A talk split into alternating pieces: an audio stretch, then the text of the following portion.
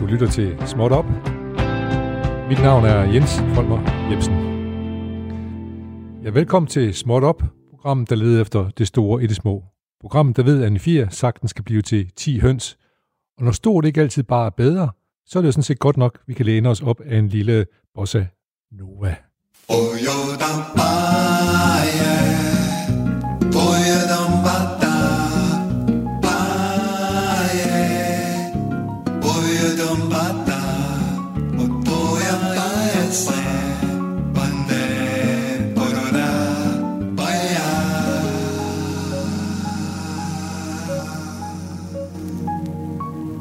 velkommen til timen her mellem 12 og 13. Velkommen til programmet Småt Op. Lad os, på denne time, lad os passe på denne time og bruge den på at glæde og hjælpe og måske endda danne hinanden. Vi lover i hvert fald, at vi gør, hvad vi kan, for at netop denne time skal blive munter og klog. Som bekendt, så kan man, hvad man vil, hvis man kan. Småt op er jo som sædvanligt velsignet med gæster, der gladeligt deler ud af lige præcis den viden, de har mere af end os andre. I dag er den lille ting noget, der er mere er tomt end egentlig småt. Vi skal på højskole. Men først så skal vi lige opfordre danskerne til at melde ind til vores mailbox om deres gørmål i netop denne time her mellem 12 og 13. Skriv til lille radio4.dk lille radio4.dk hvis du fx engang har gjort noget skandaløst på en højskole eller en efterskole, og du gerne vil tilgives, så hører vi gerne om det. Men skriv alene, hvis du har lyst, tid eller bare ikke kan lade være. Vi lever i et frit land. Og nu er det lige blevet tid til vores lille opdigtede Danmarks historie. En lille beretning om, hvad der måske foregår i Danmark et eller andet sted lige nu. I dag handler det om en mand, der bor i et meget bakket landskab. Måske det nærheden af Østbirk. Manden ude at lufte sin hund. Det er, som det plejer. Han tæller sin skridt, og han ved nøjagtigt, hvor mange han skal til, før han når hen til svinget, som han følger højre rundt. Det er, som det plejer. Så tager han sin sædvanlige vej hen ad en markvej. Hunden strænder, som hunden nu, nu skal, og på stammes samme sted, som den plejer. Manden går hen mod bakken med sin hund. Han behøver ikke engang tænke over det. Det er business as usual. På vej op ad bakken ved han lige nøjagtigt, hvor hunden vil tømme ryggen. Han tager et nyttigt hvil og konstaterer, at hundens efter, efterlandskaber ser fint ud. Så når han op på bakketoppen og kigger ud over landskabet, der åbner sig for ham. Hunden sidder ved hans fod og ligner en løve. Der er noget særligt ved landskabet i dag. Noget helt særligt ved dagen i dag. Han ved ikke hvad.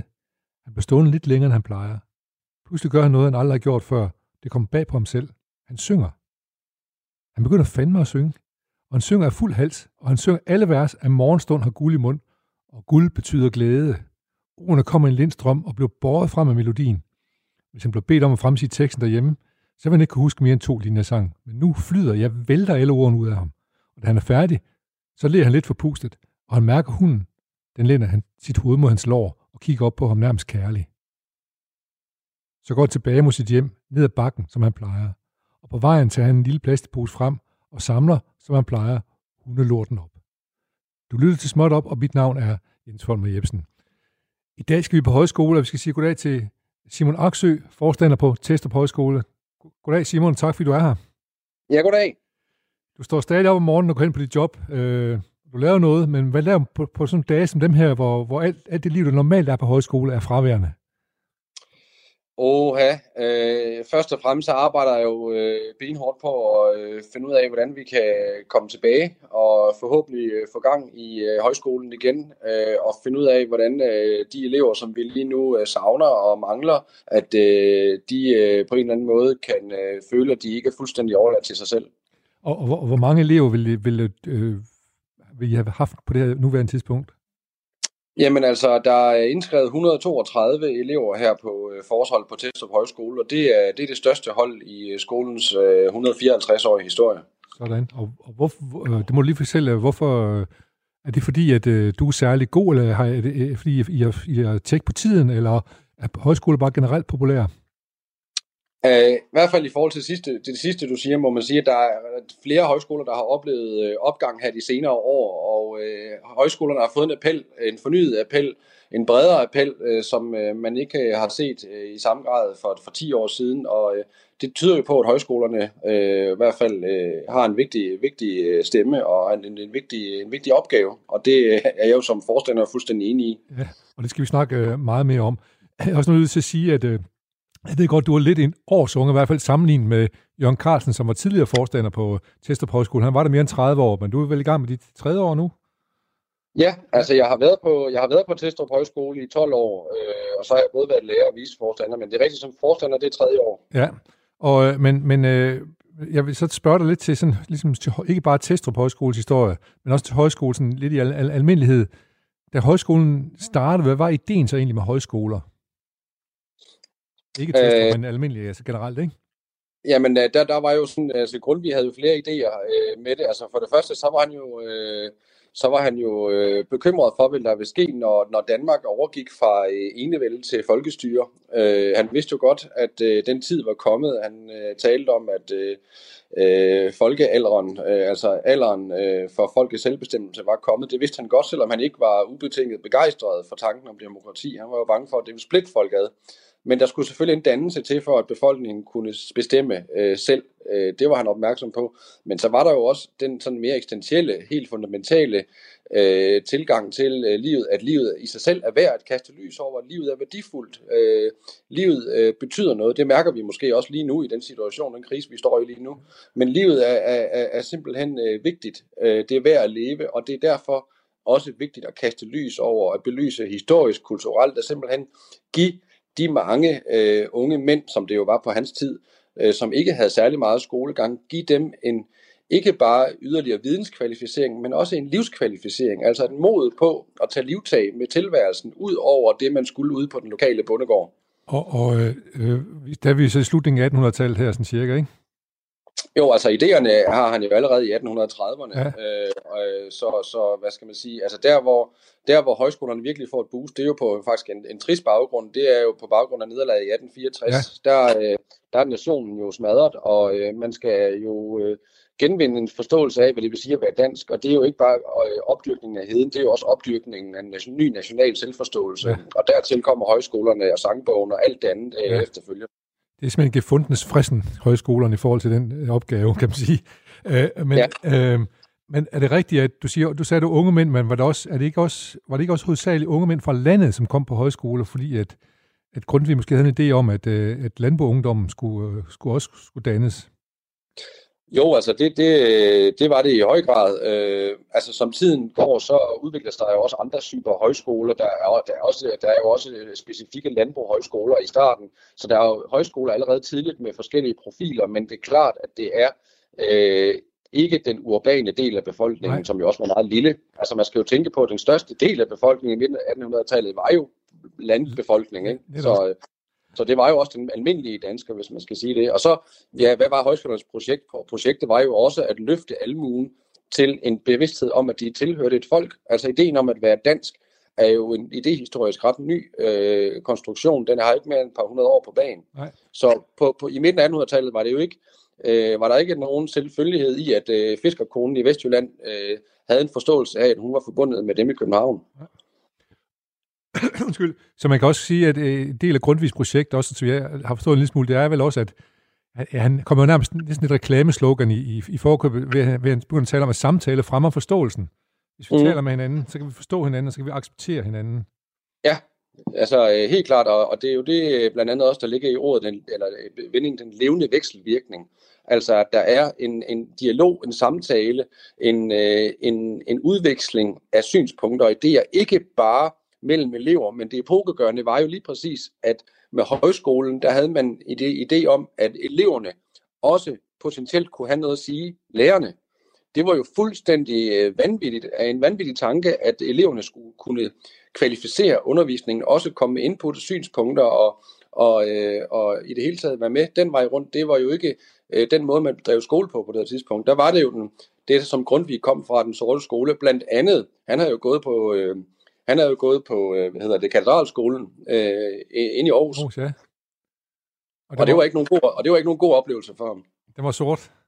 Det var sort, ja. ja. Og det var jo øh, kadaverdisciplin, og det var jo teori, og øh, altså teori er ikke problematisk i sig selv, ja. men det var den døde, den døde lærdom, ikke? Altså øh, latinterperiet og så videre. Det var jo det, er jo det, man ikke kunne sætte i forbindelse med det liv, vi lever sammen lige nu og her. Altså, øh, det var det, der var problemet. Det var det, højskolen også skulle råde på. Så her kommer højskolen igen som en frisk pust, og nødvendig frisk pust måske i øh, undervisningen, kan man ja. sige. Øh, ja. er, er, vil det være rigtigt at sige, at, øh, at, at Grundtvig han på mange måder var fortæller for en form for tolerance? Ja, det var han i høj grad. Han var, han var, øh, han var meget, meget liberal, øh, hvad angik mange ting. Også øh, altså, både i forhold til øh, øh, religionsmæssige anskuelser, altså at der skulle være plads til, der skulle være en pluralisme, der skulle være en mangfoldighed, og han gjorde sig også til tals, talsmand for synspunktet at hellere inkludere, øh, hvad skal man sige, mere eller mindre, øh, jeg vil ikke sige utræret eller ekstreme synspunkter, men i hvert fald alternative synspunkter, end at lukke dem ude, fordi det karakteriserer et stærkt samfund, at man rummer den mangfoldighed. Øh, det så han efter min opfattelse fuldstændig klart i. Så var han jo også talsmand for, at, øh, at, øh, at øh, man skulle behandle børn og kvinder bedre, end man gjorde på det her tidspunkt. Og nogle af de ting, han slog til, til øh, nogle af de ting, han har arbejdet for, blev han også latterligt gjort for i samtiden.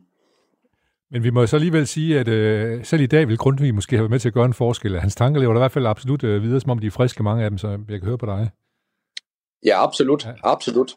Men hvordan, hvordan var øh, tilgangen til højskolen dengang? Var det, var det også populært i øh, omkring århundredeskiftet fra 1918 til 1900?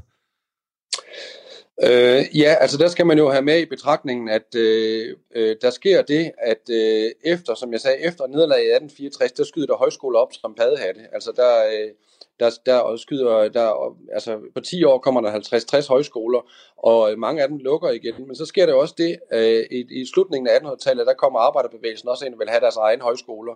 Der sker også det, at der kommer... Øh, øh, idræts, øh, gymnastikhøjskoler, der kommer nye profilhøjskoler, så øh, der er jo både i Snohøj og i øh, Ollerup og så videre, øh, de, er der, de er der stadigvæk godt nok med delvis andre profiler i dag, men der kommer en mangfoldighed af højskoler ind i billedet også øh, ved indgangen til det 20. århundrede, og særligt også øh, øh, i, øh, i kølvandet på, øh, på, øh, på øh, Første Verdenskrig. Og man kan jo så sige, at efter 2. verdenskrig, der bliver så hele demokratidiskussionen vigtig. Øh, altså, øh, det er jo først efter 2. verdenskrig, at man sådan grundlæggende finder ud af, hov, hvad er det, det der demokrati egentlig kan, og hvorfor skal vi egentlig insistere på det? Og det var jo ikke noget, man har for Grundtvig. Øh, for Grundtvig var det ikke højskolens primære opgave at lave demokrater. Det var at lave danskere, kunne man sige. Ja, men også, men også for nu lige at runde af på, på Grundtvig, så måske, men, men også at øh, øh, kunne forstå, hvordan anderledes tænkende de tænkte. Ja, ja. Og det var så måske en dansk dyd at kunne forstå, at der var nogen, der var anderledes, men de, det var så deres ting, kan man sige, så var det fint. Ja, ja. ja. men altså, han mente jo også, altså, når man taler om ånd og Grundtvig, så mener han også, at der var tale om folkeånd, og der, at hvert, hvert folk havde sin egen ånd, øh, og øh, selvom man, der var en majoritet derinde for, øh, for hver ånd, så skulle, man, så skulle der repræsenteres en rummelighed, men han mente jo ret beset, at, at øh, danskere og tyskere og svenskere for den sags skyld var, for, var forskellige. Og derfor kaster han sig jo også ind i den kamp, hvor han kan se, at øh, Danmark øh, på et tidspunkt er, er, øh, er troet på sin eksistens. Altså, øh, der, den går han jo også ind i, øh, og, øh, og der forsvarer han så en, en national øh, ånd, som, som øh, godt nok er særlig, men ikke skal lukke sig om sig selv. Det er jo lige det, der er helt præcis pointen. Man skal ikke lukke sig om sig selv. Så, lige præcis, ja. Sådan, det var også sådan, jeg, det var egentlig det, jeg prøvede på at få det til at sige, for jeg var ikke helt sikker, men det var godt. Tak for det. tak jeg kan også lige sige, han, han, han, var jo, han, havde, han, han rejste til England af flere omgange og blev inspireret af det engelske, den engelske, hvad skal man sige, tolerance og den engelske øh, debatkultur. Han blev også skræmt over den enorme fattigdom, han så derovre, men han blev inspireret af, af englændernes frihedsidealer. Ja. Og lad os så prøve at spole øh, filmen øh, fremad. Det her det var så det var start på højskolen, og så har der været nogle lavpunkter og nogle høj, højdepunkter. Hvad, hvad, hvornår var, har højskolen været i krise?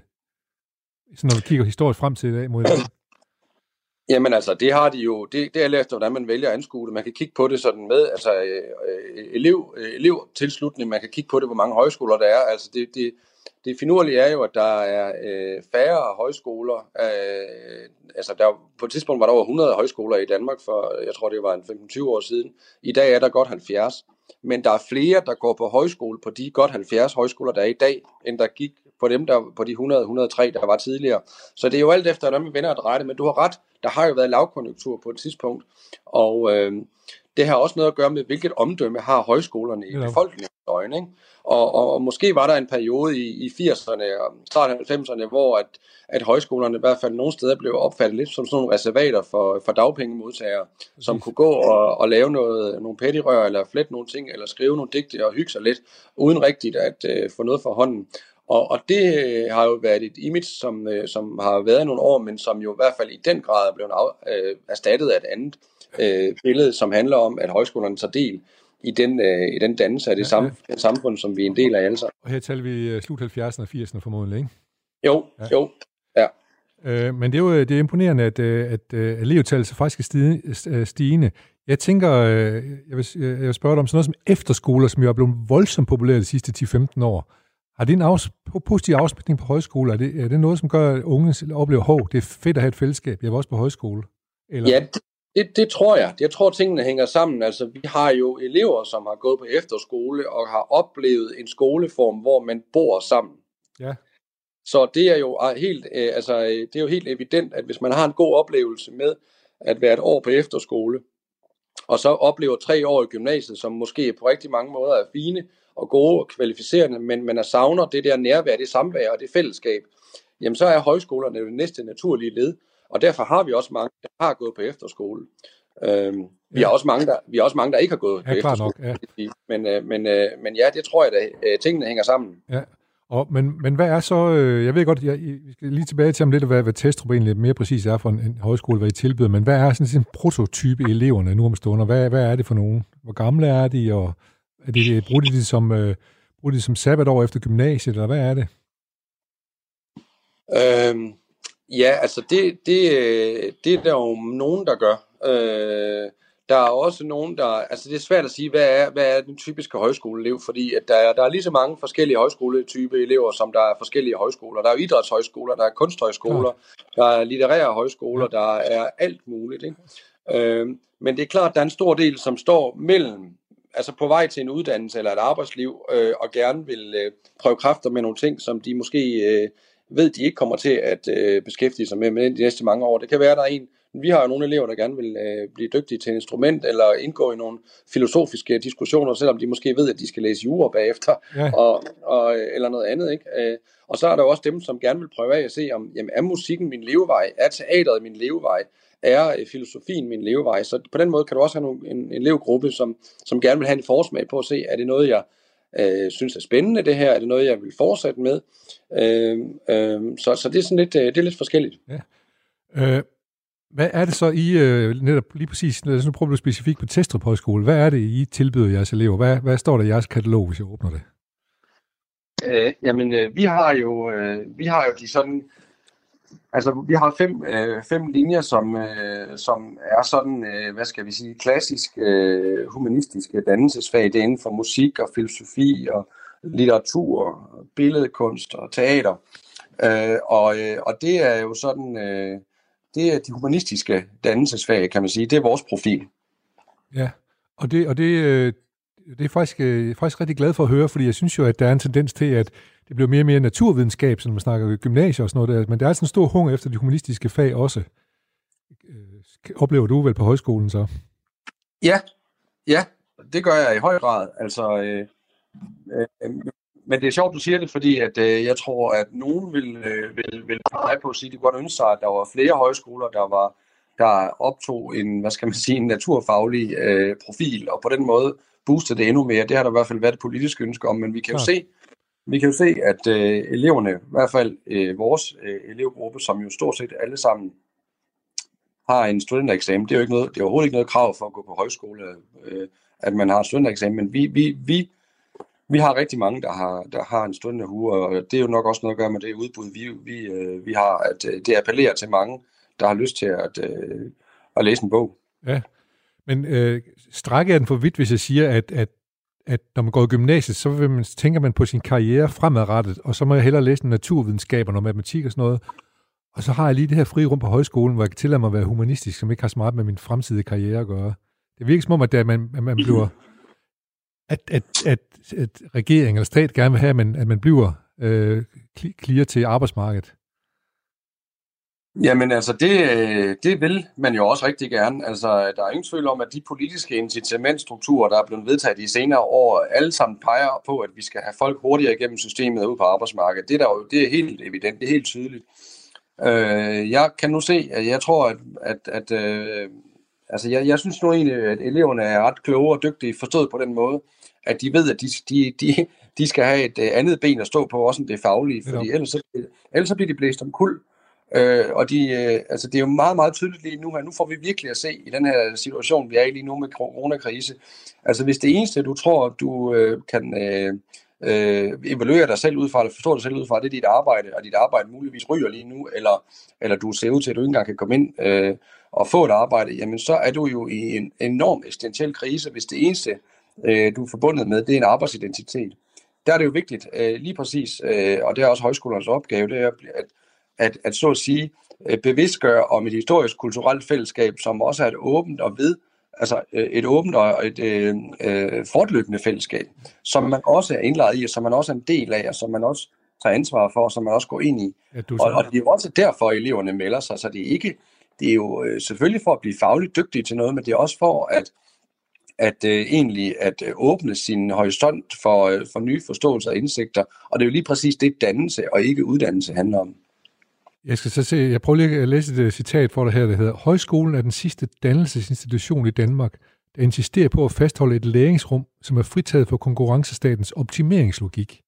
Både folkeskolen, gymnasierne og universiteterne er blevet reformeret til et punkt, hvor de pålægger en meget snæver forståelse af læring, den som kan måles og karaktervurderes og, og gøre dig klar til at indgå på arbejdsmarkedet. Den anmeldte dannelse har man skåret væk. Det er jo meget godt sagt. Det er sådan set dig, der har sagt det. Jamen, jeg mener det også. kan du prøve, som det hedder, elaborere en lille smule over det? Hvad er det for et Danmark, vi, vi, vi ser nu? Og, og, og du har jo sådan sagt, hvad det er for en rolle højskolen spiller i det, men, men hvad, hvad, er, hvad er det for noget, der sker på den anden del af det? Der sker selvfølgelig det, at vi lever i en globaliseret tid, hvor der stilles højere og højere krav til, at vi som vidensressourcer Øh, og det er jo desværre sådan nogle termer, vi bruger om os, øh, om os øh, mennesker.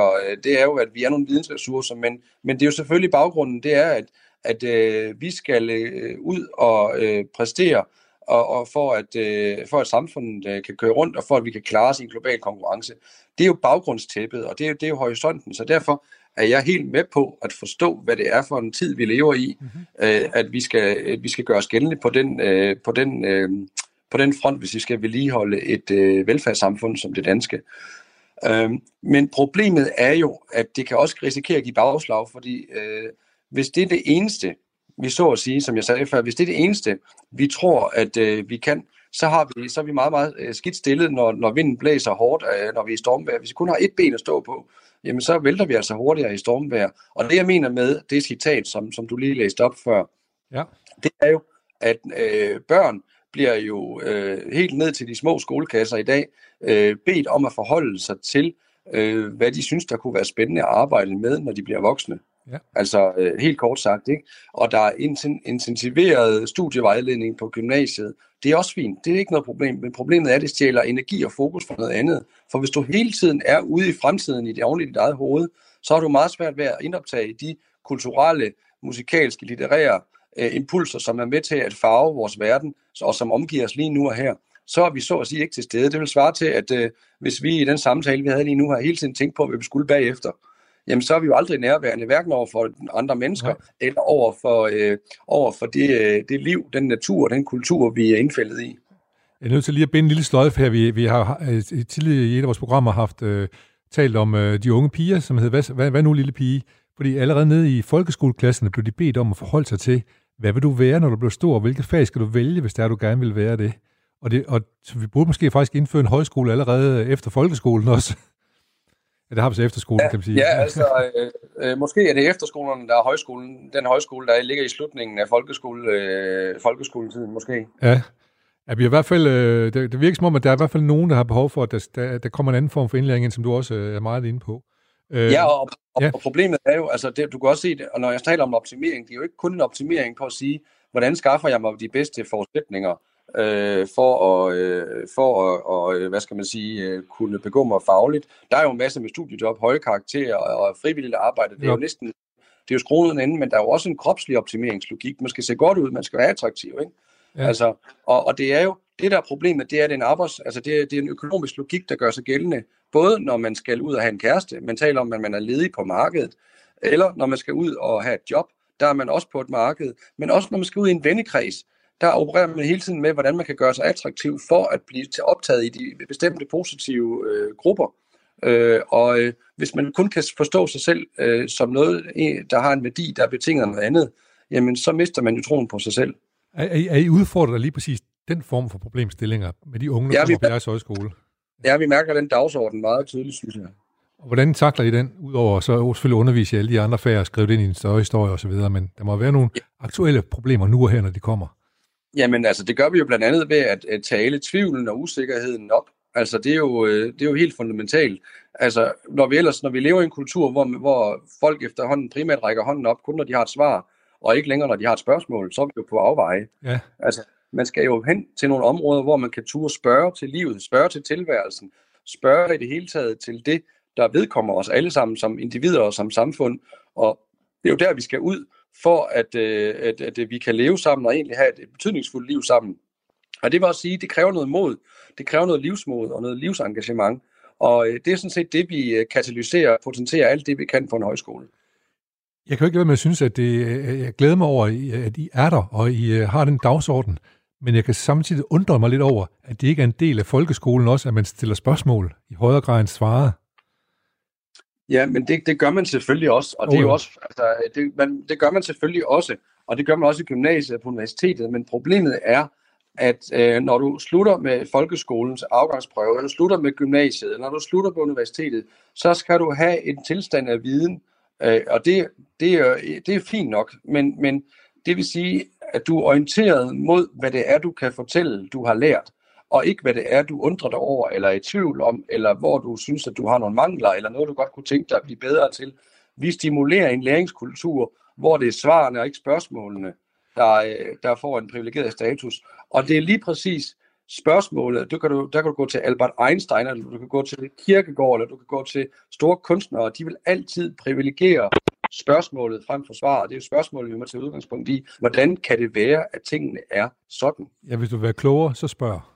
Ja, lige ja. præcis. Og ja. derfor er vi nødt til at kunne få de unge mennesker et sted hen, hvor de tør øh, at spørge til det, de ikke øh, forstår, i stedet for bare at blindt lære øh, og tro på det, man har fået indputtet, øh, sådan helt øh, bare uden videre som barn. Det er jo lige præcis øh, det, en demokratisk kultur skal kunne. Det er også at kunne rumme tvivlen og usikkerheden og spørgsmålene. Ja. Jeg, jeg kunne godt tænke mig lige at blive ved ordet øh, tvivl, fordi at det er jo formodentlig, så nu har jeg jo selv øh, haft børn i gymnasie og folkeskolealderen, og har stadigvæk en i gymnasiealderen.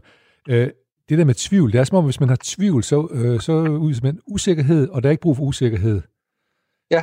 Øh, så, så det er meget godt, øh, du nævner ordet tvivl. Hvordan underviser man i tvivl?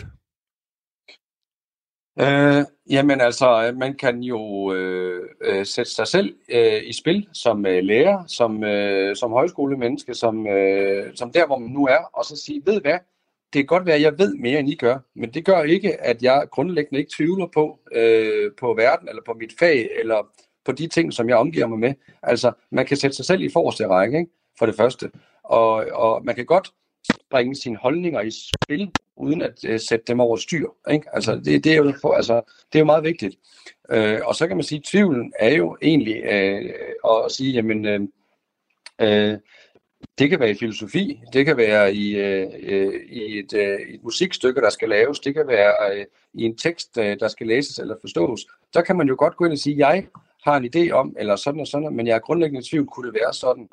Altså, det, øh, det er jo at nogen, der ligesom er fortaler for sådan en mere konservativ gammeldags skole, et svaghedstegn, at læreren kan skabe tvivl. Men jeg mener, det er virkelig, virkelig en styrke.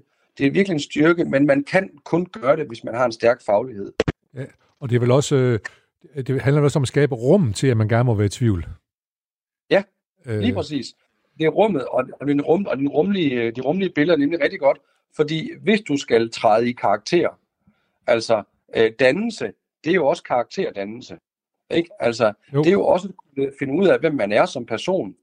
Og øh, som øh, den tyske-amerikanske tænker, han Arendt siger, øh, hvem man er, det kan man ikke bare lige fortælle. Det viser sig først over tid, og det kræver, at man er et utvunget samvær, hvor at man, øh, så at sige, har mulighed for at øh, både være tvivlende til stede, spørgende til stede, men selvfølgelig også svarende til stede. Altså at man nogle gange siger, hvad man mener og står for, ja. velviden, at det kan være, at man kommer til at revidere sin holdning. Noget af det, der er det største problem lige nu, og det afspejler sig desværre også nogle gange i en politisk kultur, det er, at du får ikke, du får, der er mange, du ikke får til at sige, at jeg tog fejl. Ja, det er en nulfejlskultur, ikke? Ja. Ja, lige præcis. Og der er vi tilbage til mit, uh, mit uh, citat, som du læste op omkring optimeringslogikken. Ja. Optimeringslogikken er jo også at optimere på din egen præstation, og den, den, den, den, du, den måde, du fremtræder på, på arbejdspladsen, på studiet, i medierne, hvem, hvor du nu begår dig henad, så er det ligesom at sige, jeg skal øh, optræde skudsikkert, så jeg øh, signalerer robusthed, fordi robusthed, det er åbenbart den nye ressource, som om det skulle være socialt, specielt spændende. Jeg skal lige sige, at vi, øh, vi lytter til øh, programmet Småt Op, øh, og mit navn er Jens Folmer Jebsen, og vi er taget på højskole, og der er god plads til os, fordi at højskolen er lukket for elever lige i øjeblikket, men heldigvis så er forstander Simon Aksø ude på Testrup Højskole nærværende og kan fortælle os lidt om, om det. Øh, Simon, vi har talt lidt om, om, om Grundtvig og nogle af de værdier, han skabte skolen på. Jeg kan høre på noget af det, du stadigvæk fortæller om, hvad, hvad I gør i dag, at, at Grundtvig stadigvæk er levende. Øh, men hvordan, har, hvordan synes du, højskolen sådan, i grove træk har forandret sig? Hvad, hvad, hvordan har den fornyet sig siden Grundtvig? Uh, den har fornyet sig ved på nogen måder ikke at forny sig.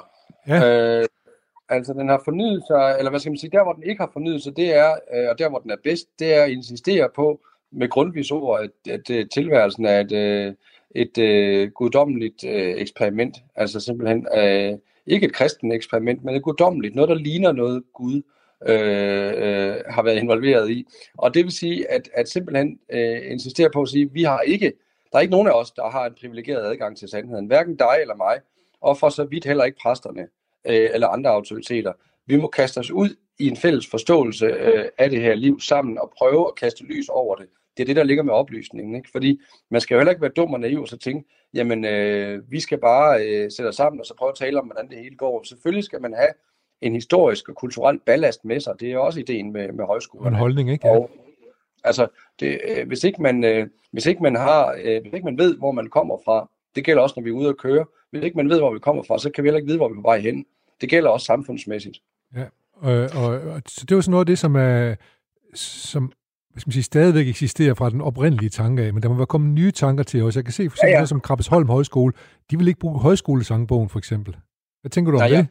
Jamen, jeg fatter det simpelthen ikke. Jeg fatter simpelthen ikke, øh, hvad det er. Øh, Øh, altså, jo, men det, ja, de må de der selv om, men altså, jeg, øh, jeg er fuldstændig uenig i, deres, i, i, i, i, øh, i forstanderens argumenter for at ikke bruge det. Det ene er, at øh, højskolesangbogen repræsenterer et bestemt menneskesyn, og der er det bare lidt gerne, jeg vil spørge, hvad, hvad for en sammenhæng er der mellem for eksempel internationale, som står i højskolesangbogen, og, øh, og øh, øh, øh, den blå anemone af, af, af, af Kai Munk, Altså, hvad er det lige for fælles referencer, der er der? Og man kunne tage 127 andre. Hvad er, for, hvad er ligheden mellem øh, øh, Kai, eller hvad er det, Paul Henningsen og Brorson? Altså, det er jo ikke et menneskesyn, der bliver repræsenteret okay. i højskolesangbogen. Det er jo mange forskellige øh, livssyn og livshorisonter og forståelsesrammer. Og det andet argument, øh, som øh, forstanderen fra Krabbersholm bruger, for ikke at bruge øh, sang, øh, højskolesangbogen, det er, at den er bedaget, den er forældet, og den ikke har noget at sige til unge mennesker i dag. Der er det så bare, jeg vil sige, det er da virkelig, virkelig underligt så, at når vi har 132 elever her, det hvilket vi jo havde indtil for tre uger siden, de elsker at synge Ingemann og Grundtvig og øh, Brorson, og altså, de, de elsker at synge sange, som også viser, at livet har gået forud for dem, at der, de står på skuldrene af noget, at der er nogle erfaringer, for eksempel omkring sorg eller glæde, eller øh, kærlighed eller svigt, det er jo nogle, nogle, nogle, nogle, nogle størrelser, som ikke er specielt øh, betinget af ja. særlige modernitetserfaringer. Ja. Det er jo nogle, der er nogle essentielle grundstemninger. Ja. Altså, tit er jeg glad og vil dog gerne græde. Hvem kender ikke det? Det er skrevet i øh, starten af 1800-tallet. Ja. Øh, altså, det kan vi jo godt bruge. Så der er ikke, det, det, at, at nogle sange er gamle, betyder ikke, at de ikke er vedkommende.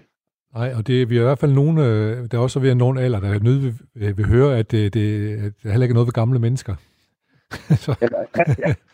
Øh, men, men for eksempel, jeg synes jo, øh, jeg har, vi har i tidligere program her har fat i noget Paul Henningsen i dit korte liv for eksempel. Det er jo det er skrevet i 30'erne, tror jeg, og det er jo fuldstændig øh, sprødt og nutidigt sprog, der stadigvæk er i den sang, ikke? Ja, i dit korte liv er det mest vildt. Tænk, igennem, tænk, tænk igennem punkt for punkt. Det er jo, det er jo en ultramoderne, det er en ultramoderne sang. Den er meget mere moderne, end han vidste, den kom til at blive, og derfor er den også hamrende aktuel i dag. Ja, på, på forhold til optimeringslogikken, som vi talte om før. de unge mennesker i dag, de opfatter jo lige præcis den øh, pointe, som øh, PH han lancerede i 30'erne omkring i dit korte liv er det meste spild. Det er jo netop at undgå spildet. Det er netop det, som optimeringslogikken handler om, ja. og det er netop øh, det, som øh, er på, øh, på spil i dag også. Og derfor er den sang også hammerende aktuel, selvom den er øh, fra tiden omkring øh, 2. verdenskrig. Så fra 1900, øh, jeg vil gætte på, at det var 41, så vidt jeg husker. Okay. Øh, men i hvert fald så øh, skrev han jo sange som, som med i sprog, som i hvert fald stadigvæk er, udover det indholdsmæssige, men også sprogligt nærmest er, er helt up to date, ikke? Jo. Jeg ved i hvert fald, ølhunden glammer, den er jo fra 20'erne eller sådan noget, ikke? Der, jeg tror, mm. der er to jeg måske jeg skulle slå op, hvis der var. Ellers så... Nå, det var nu øh, for lige at sige, at øh, historien den er stadigvæk øh, spillelevende, hvis vi vil det, hvis vi, hvis vi, hvis vi tør at tro på det, ikke? og tør at op, op, opsøge den. Øh, hvad hedder det? Øh, men hvad, hvad, du har også noget, du kalder det frie akademi. Er det, er det, noget, nyt, er det noget nyt noget, eller hvad? Nej, altså det har Testrup Højskole kaldt sig øh, i, i mange år, og øh, altså det, det, det, frie, øh, det frie betyder jo, at alle er velkomne her, uanset forudsætninger, uanset øh, øh, hvilken politisk orientering man har, eller eventuelt religiøs eller ikke religiøs orientering, eller hvad man har, man er velkommen. Men, man, vi går åbent øh, til, øh, til, øh, til hinanden. Og øh, øh, det betyder jo også, det frie betyder jo ikke, at vi, vi, vi har et værdigrundlag, vi kalder os en grundvisk højskole, men vi er ikke bundet af nogen øh, politiske eller religiøse dagsordner. Altså på den måde er vi et frit, og med, det, med akademiet mener vi, at vi øh, tager fagene alvorligt. Altså at vi har øh, hvad kan man sige, en akademisk, men alligevel også folkelig tilgang til tingene. Altså at vi mener, der skal være højt til loftet fagligt. Og, øh, så det er det, der ligger i det frie akademi. Det lyder, det, lyder, det lyder rigtigt, og det får mig lige til at tænke lidt på, lige slå en sløjfe tilbage til, øh, til højskolesangbogen, fordi jeg var din forgang, Jørgen Carlsen, der blandt andet var med til at skal finde de nye sange til højskolesangbogen. Er det jo et job, du har overtaget, eller hvad? Nej, jeg har ikke været med til at, at, at finde højskolesange til Nej. den nye uh, Nej, det har jeg ikke været med men, til. Men, men der har dog været en kæmpe debat, øh, øh, fordi man vil have en sang med, øh, som en muslimsk øh, sanger har skrevet. Ja. Hvad tænker du om det? Jo, men altså, øh, hvis øh, man kigger øh, på de andre øh, højskole, øh, øh, altså de andre øh, højskolesange, øh, sangbogsudgaver, jamen så er de jo alle sammen markeret med en pluralisme. Der er både, nu nævnte vi PH før, han var ja. erklæret ateist, ikke? Yes. Øh, der er skrevet øh, sange af, af kristne, af jøder, af, af, af, af muslimer også. Der er jo, det er der jo også i den... Øh, øh, eksisterende sangbog. Ja. Så, så øh, jeg, jeg har lidt svært ved at se, hvorfor at en sang ikke skulle være med, fordi den er skrevet af en med et bestemt øh, religiøst, øh, øh, religiøst øh, ja. udgangspunkt. Altså, jeg mener, at danskheden er stærk ved, at den er rummelig. Jeg mener ikke, at man skal være bange for, øh, øh, at... Øh, altså, altså, jeg mener, hvis man, man føler sig troet på sin højskolesangbogs eksistens, ved, at der er en sang med, som er skrevet af en muslim, så mener jeg, at man har en, en svag... Øh, en svag fundering i forhold til, hvad det er, vi kulturelt og historisk set har bygget det her land på. Så lige kort, lige for at runde den her, så sige, højskolesangbogen er ikke højskolesangbogen, hvis der ikke er plads til den slags ting. Nej, altså højskolesangbogen skal jo også repræsentere, øh, hvad hedder det, danskerne, øh, og som øh, Ebbe øh, Kløvedal Reik skriver i den nye, nye, eller i den nuværende højskolesangbog, danskerne findes i mange modeller. Ja, det er godt sagt, øh, Ebbe Kløvedal. Nu skal vi lige have en lille øh, kort øh, pause, der kommer en lille breaker her.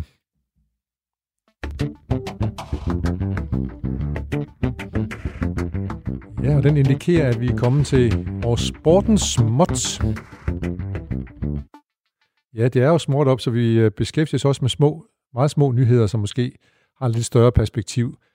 Uh, Johanna Nordblad hedder hun, hende vi skal tale om nu. Hun er i Finland i de her dage. Hun træner. Hun prøver at se, om det kan løse at svømme 81 meter. Skulle det være noget særligt, spørger du måske? Ja, siger jeg så bare, det er det. For øh, hvis du hører efter historien her fra den engelske vis The Guardian, så tror jeg, at måske man er enig. Johanna Nordblad er nemlig fridykker. Det betyder, at hun dykker uden iltmæsker. Det vil sige, at man trækker vejret dybt, og så svømmer man, og man kommer ikke op, før man ikke... Han har sagt, man, man skal holde vejret, mens man er under vandet. Og der findes en hel masse konkurrenceformer. Der findes faktisk 11 konkurrenceformer, hvor man, øh, øh, hvor man ikke må trække vejret under vandet øh, gennem ildflasker, øh, men netop fridykker. Øh, man kan, det handler om at svømme dybt eller horisontalt i, i længder, og hvor lang tid man kan være under osv., med finder eller uden finder osv. Og øh, Johanna Nordblad, hun har øh, på Kyberen i 2004 sat rekord for horisontal længdesvømning. Hun har svømmet 158 meter uden at trække vejret. Hun har øh, hun siger, at efter to minutter, så er hovedet ved at eksplodere, og det er let at overvise sig selv om, at man skal stoppe, men det er her, man skal fortsætte, siger hun så. Og det har hun så lært sig, og lært sig at svømme 158 meter i en vejrtrækning. Hun var så ude for et større cykeluheld øh, og smadrede sit ben til øh, med mange, mange øh, brækkede øh, knogler til følge, og øh, hendes øh, læge anbefalede måske at prøve at stikke benet ned i koldt vand. Det kunne måske, øh, det kunne måske hele det lidt, og måske også øh, til, til de værste smerter væk. Øh, det havde en stor, meget stor effekt, så hun begyndte at vinterbade, og det har gjort hun så i en utrolig særlig grad. Så hun nu er i gang med at se, om hun kan sætte verdensrekord øh, ved at svømme under is. Hun er oppe i det nordlige Finland nu, øh, hvor, øh, hvor hun skal svømme under isen. Hun er ved at træne nu. Hun skal se, om hun kan, kan svømme. Øh, hun har prøvet at svømme en gang fra et ishul til et andet ishul, 50 meter. Og nu vil hun prøve at se, om hun kan slå verdensrekorden. Hun har den for kvinder, som er altså 50 meter. Så hende og hendes søster, de går ud på isen, slår to huller. Johanna Nordblad hopper i, og så skal hun komme op i den anden hul nede den anden ende med en vejrtrækning. Hun vil prøve at se, om hun kan slå verdensrekorden øh, i, det, i det vand, som er under 2 grader øh, varmt, eller koldt hedder det ved nærmere. Øh, ind, øh, rekorden i øjeblikket indhæver sig en dansker, som hedder Stig Severinsen. Han er firedobbelt verdensmester i fridykning, men Nordblad hun vil prøve at slå rekorden nu, hun vil svømme 81 meter under isen. Det særlige ved at svømme i øh, Finland, siger øh, Johanna Nordblad, det er, at der er sindssygt mørkt nede under isen. Så hun kan faktisk ikke se noget. Øh, og hvis hun øh, mister orientering, hvad hun let gør, siger hun, når hun er både øh, ikke kæmper med at skal holde, holde vejret, og det er koldt, så hendes eneste chance det er at dykke ned. Fordi når man dykker ned, så kan man se øh, lys, der kommer ind igennem hullerne, og så kan hun, kan hun måske navigere efter det lys, der slipper igennem. Så øh, men vi, vi, må, vi må sammen med Stine Nordblad, eller Johanna Nordblad, må vi øh, holde vejret, når hun inden så længe her hopper i og ser, om hun kan svømme 81 meter under isen og sætte ny verdensrekord i fridykning under is. Således var nyheden fra Finland i de her dage. Vi er tilbage på, øh, med småt op på øh, Testrup Højskole, og vi har Simon Aksø igennem, og det er vi glade for. Øh, Simon, øh, jeg, jeg har lært, at du du godt kan lide ord, som du kan lide at filosofere over. For eksempel ordet nysgerrighed. Ja. Hvad, hvad, hvad, hvad tænker du, når jeg siger ordet nysgerrighed? Jamen altså, øh, for mig at se, så er nysgerrighed et rigtig, rigtig vigtigt øh, ord og fænomen, fordi når vi er nysgerrige, så er vi på vej øh, op i hovedet, og nogle gange er vi også på vej øh, fysisk. Øh, så vil der noget, vi vil undersøge, og vi vil ikke undersøge det, fordi vi kan nødvendigvis få et job, eller fordi vi kan få mange penge, eller fordi der er noget prestige i det, så er det fordi, vi simpelthen er optaget af noget i livet for dets egen skyld. Der er simpelthen noget, der trækker i os. Og øh, øh, kan man, er det, er, nysgerrighed, er det noget, man kan stimulere? Ja, det, det kan man jo for eksempel stimulere på, øh, for eksempel på, øh, på en højskole, øh, hvilket jeg anser for min øh, fornemmeste opgave, stimulere elevernes nysgerrighed. Øh, men man kan også stimulere det hjemme.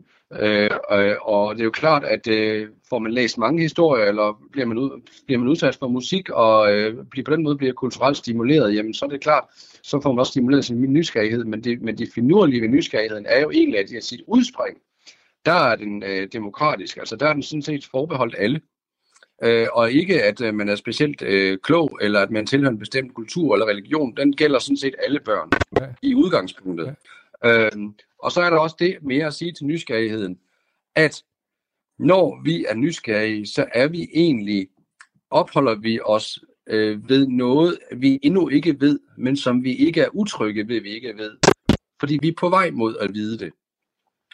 Og, øh, og det er lige præcis i forhold til dannelsespørgsmålet rigtig, rigtig vigtigt.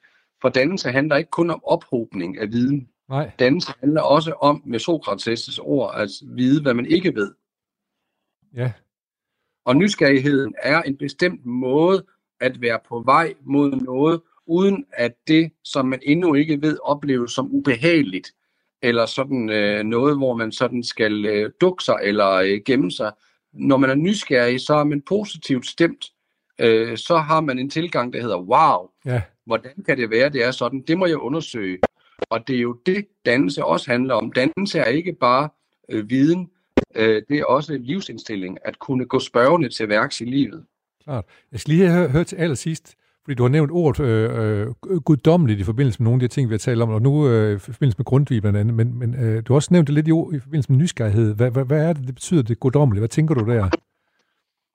Jamen altså, øh, Halfdan Rasmussen, han skrev jo i øh, sangen noget om kraft tilbage fra 1958, at jeg tror, der ligger et barn dybt inde, en lille Gud, der er evig stor. Og øh, Halfdan Rasmussen, han var ligesom øh, PH ramsaltet ateist, og ja. der er jo ikke fordi, der var nogen kristen Gud der. Men bare fordi, at man ikke tror på Gud, så kan der godt være noget guddommeligt over tilværelsen. Ja, noget, der er større end en selv. Som er...